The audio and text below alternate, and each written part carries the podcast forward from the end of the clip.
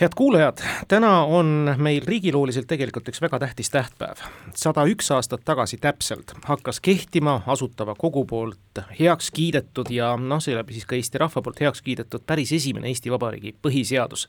see oli üks huvitav seadus, millel oli palju toredaid tahke, aga mis tema põhiline väärtus oli see, et ta oli tegelikult päris, päriselt ka rahvale võimu andev põhiseadus. Ja rääkimaks sellest põhiseaduse loost ja tema kulust oleme helistanud heale põhiseaduse ajaloolasele, kaasprofessor Jaak Valgele, tere päevast! tere päevast! kuivõrd Asutav Kogu selle põhiseaduse siis vastu võttis, selgitame kuulajale, et kuidas siis Asutav Kogu selle seaduse vastuvõtmiseni õigupoolest jõudis no eks ta siis jõudis sinna selliste läbi keerukate, aga konstruktiivsete ja selliste noh, kuidas öelda, eesmärgile pühendatud diskussioonide, mis olid ka siis väga kirglikud kohati. Ja tegelikult need diskussioonid algasid juba tuhande üheksasaja üheksateistkümnenda aasta alguses, noh veel kui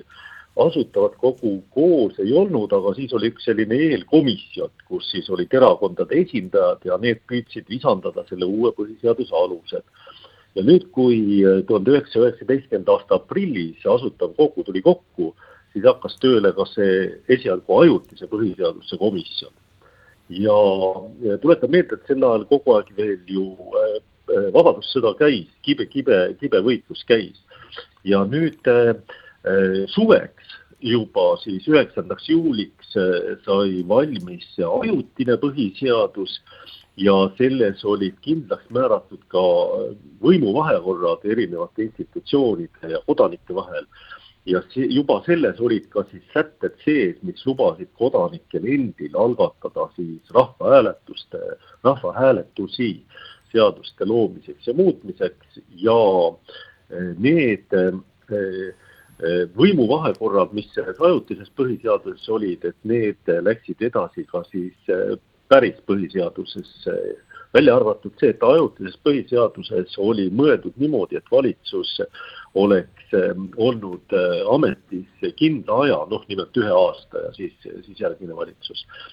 nii, et muud äh, need põhilised võimuvahekorrad läksid siis päris põhiseadusesse ja selle põhi, päris põhiseadusega läks siis töö lahti äh, tuhande üheksasaja kahekümnenda aasta üheksateistkümnendal juunil ja, ja ta siis, vabandust, üheksateistkümnenda aasta üheksateistkümnendal juulil ja siis eh, ligi, ligi aasta aega või, eh, või kümme kuud, nagu siis see töö kestis. Ja, ja ta siis eh, sai augustis tuhat üheksasada kakskümmend valmis ja hakkas ta siis osaliselt kehtima esialgu juba tegelikult üheksandal augustil tuhat üheksasada kakskümmend ja täielikult hakkas siis kehtima tõesti sada üks aastat tagasi täna Jaak Valge, Konstantin Päts ütles aastaid hiljem ja ma ütleks isegi, et põlastavalt ta nimetas seda kahekümnenda aasta põhiseadust noh, Rousseau vaadete järelaimduseks ja viitas siis sellele, et too põhiseadus esiteks ei olnud rahva poolt vastu võetud, noh otseselt rahvahääletusel ja teine lugu, et andis liiga palju võimu Riigikogule. kui unikaalne meie põhiseadus toona siis selles mõttes oli, selles aegruumis?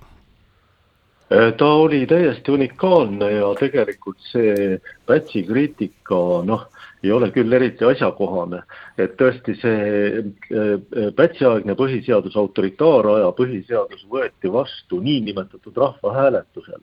aga äh, sel juhul, kui rahvahääletuse ajal ei kehti kodanikuvabadused ja poliitilised õigused, noh, et siis see on tegelikult ju pseudorahvahääletus et tegelikult ikkagi kodanikud olid andnud mandaadi asutavale kogule see põhiseadus sellisena vastu võtta. ja ta, nagu öeldud, oli siis täiesti unikaalne, julged mehed, äh, kes selle põhiseaduse vastu võtsid. ja, ja ütleme nii, et tegelikult ei andnud selle põhiseaduse loojad äh, absoluutset võimu mitte parlamendi kätte, nagu Päts ütles vaid tegelikult äh, sooviti, et see absoluutne võim läheks ikkagi rahva kätte. ja äh, oli siis niimoodi, et seda riigipead ei olnud äh, selles esimeses põhiseaduses, kuna siis äh, noh, riigipea oli äh, välja kasvanud siis monarhist ehk siis äh, ütleme, hiljuti oli ju väljutud ju Vene tsaaririigist, kus oli Vene tsaar, oli monarh ja siis oldi, oldi veel Saksa keisririigi äh, Äh, okupatsiooni all, kus samuti Saksa keiser oli siis riigipea ja see tähendas siis seda, et sellist, see riigipea tundus nagu selline põlastusväärne ja peale selle veel riigipeaga kaasnevat noh, glamuuri peeti ka siis täielikult mittevajalikuks sellisele noh, kuidas öelda, talupojariigile või homogeensele riigile. ja see kahekümnenda aasta noh, see valitsemissüsteem moodustas sellise hierarhia, et kus rahva ja Riigikogu vaheline suhe oli põhimõtteliselt noh, samasugune kui parlamendi ja valitsuse vaheline suhe, et Riigikogu püsis rahva usaldusel ja valitsus Riigikogu usaldusel. ja tegelikult noh, hiljem ütleme niimoodi, et seda parlamendi võimu laienemist ei olnud siiski piisavalt kaitstud ja parlament äh, võttis endale järk-järgult võimu, mis siis viis selle süsteemi tasakaalust välja. et nii see tõesti oli ja ta oli siis äh, põhimõtteliselt noh, oli siis äh, ikkagi unikaalne, et ta ikkagi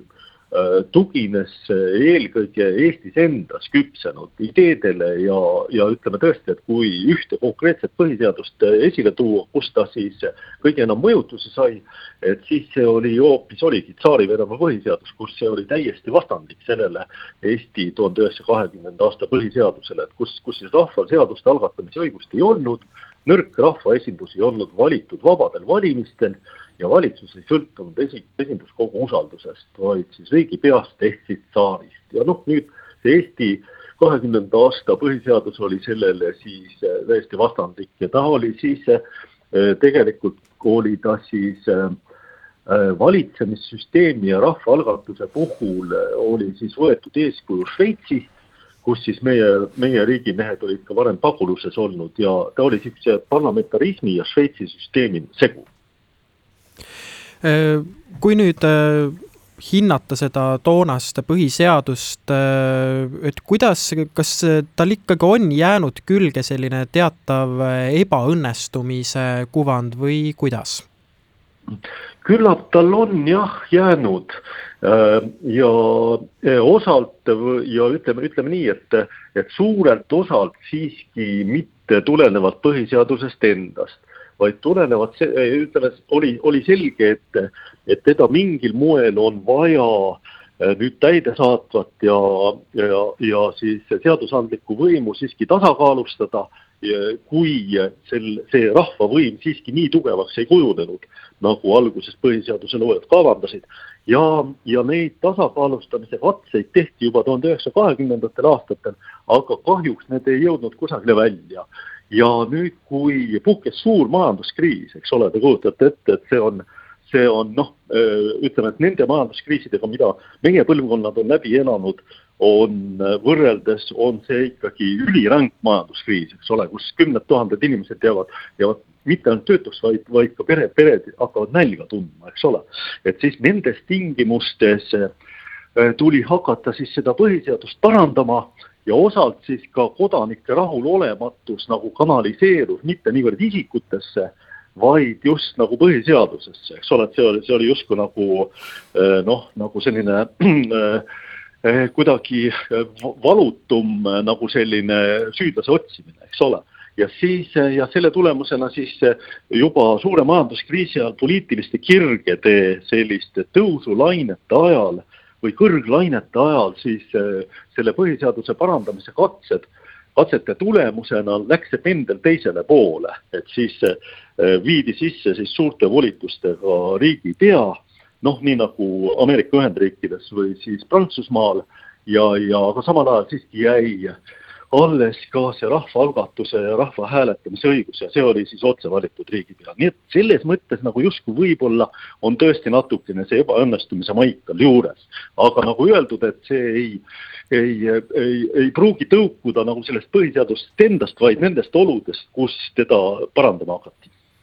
kahekümne kolmandal aastal peeti referendum ja see oli ainus referendum, mis siis mõne küsimuse üle arutles, nagu seda tegelikult ju põhiseadus lubas, see oli usuõpetuse üle.